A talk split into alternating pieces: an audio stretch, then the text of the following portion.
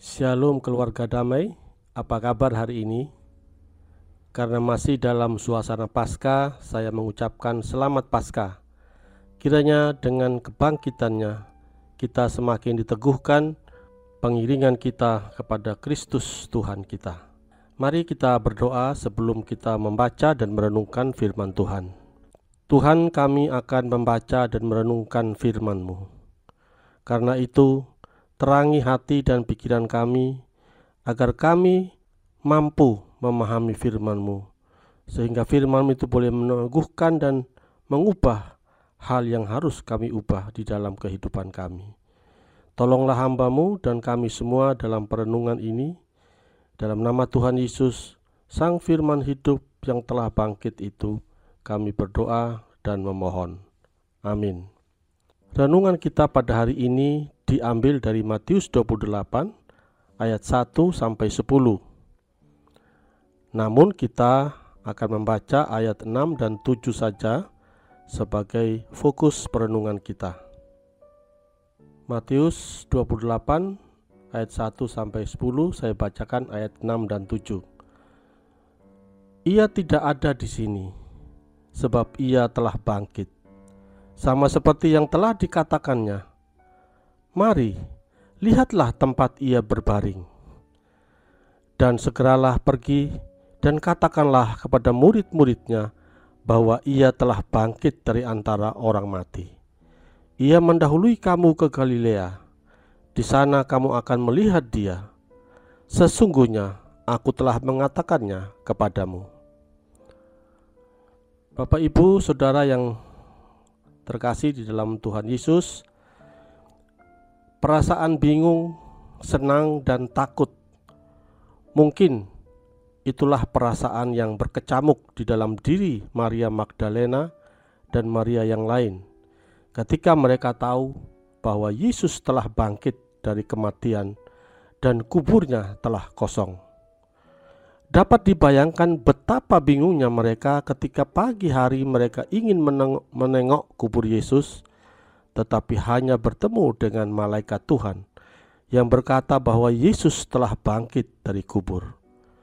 Ya, tentu saja bingung, bercampur, tak percaya, karena inilah peristiwa yang pertama dalam sejarah kehidupan manusia. Mereka tentu saja senang karena apa yang mereka dengar dari mulut Yesus selama ini telah dibuktikan melalui kebangkitannya, bukan lagi sekadar isapan jempol.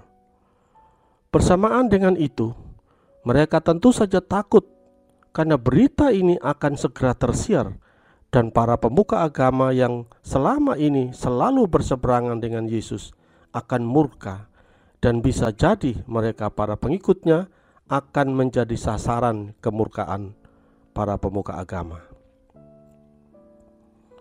Bapak, ibu, saudara yang terkasih, kebangkitan Yesus membuktikan banyak hal.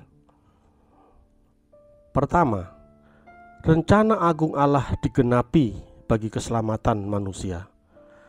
Sejak kejatuhan manusia, hal itu telah digaungkan, yakni keturunan perempuan akan meremukkan kepala si ular melalui para nabi diulangi dan dipertegas semakin detail tentang sosok itu, yaitu Yesus Kristus yang lahir, menderita, mati, bangkit, dan kembali ke surga, menyediakan tempat bagi kita, orang yang percaya.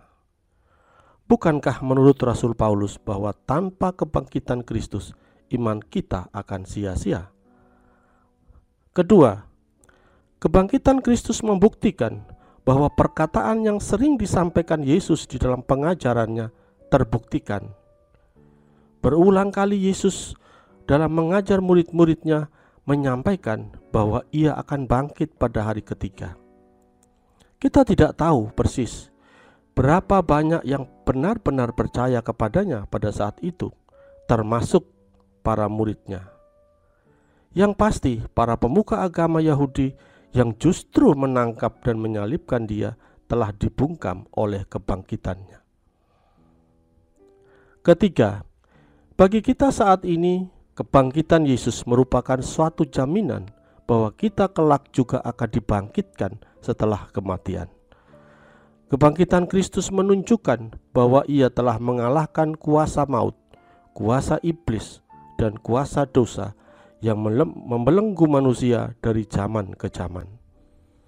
Jadi, kita patut bersyukur karena kita semakin diteguhkan dan dikuatkan di dalam mengiring Tuhan kita Yesus Kristus sampai kedatangannya yang kedua. Kebangkitannya adalah inti kabar baik yang harus kita beritakan dan harus kita sebarkan melalui perkataan dan juga tindakan kita. Amin. Mari kita berdoa. Ya Tuhan, kami bersyukur menjadi orang-orang yang percaya kepadamu, karena dengan iman kami akan juga dibangkitkan pada hari kedatanganmu kelak. Mari Tuhan, tuntun kami dalam menjalani kehidupan kami, kami dimampukan untuk menyatakan rasa syukur dan memberitakan kabar baik melalui perkataan dan perilaku hidup kami, sehingga orang lain juga dapat mengenalmu. Dalam nama Tuhan Yesus, kami berdoa dan bersyukur. Amin.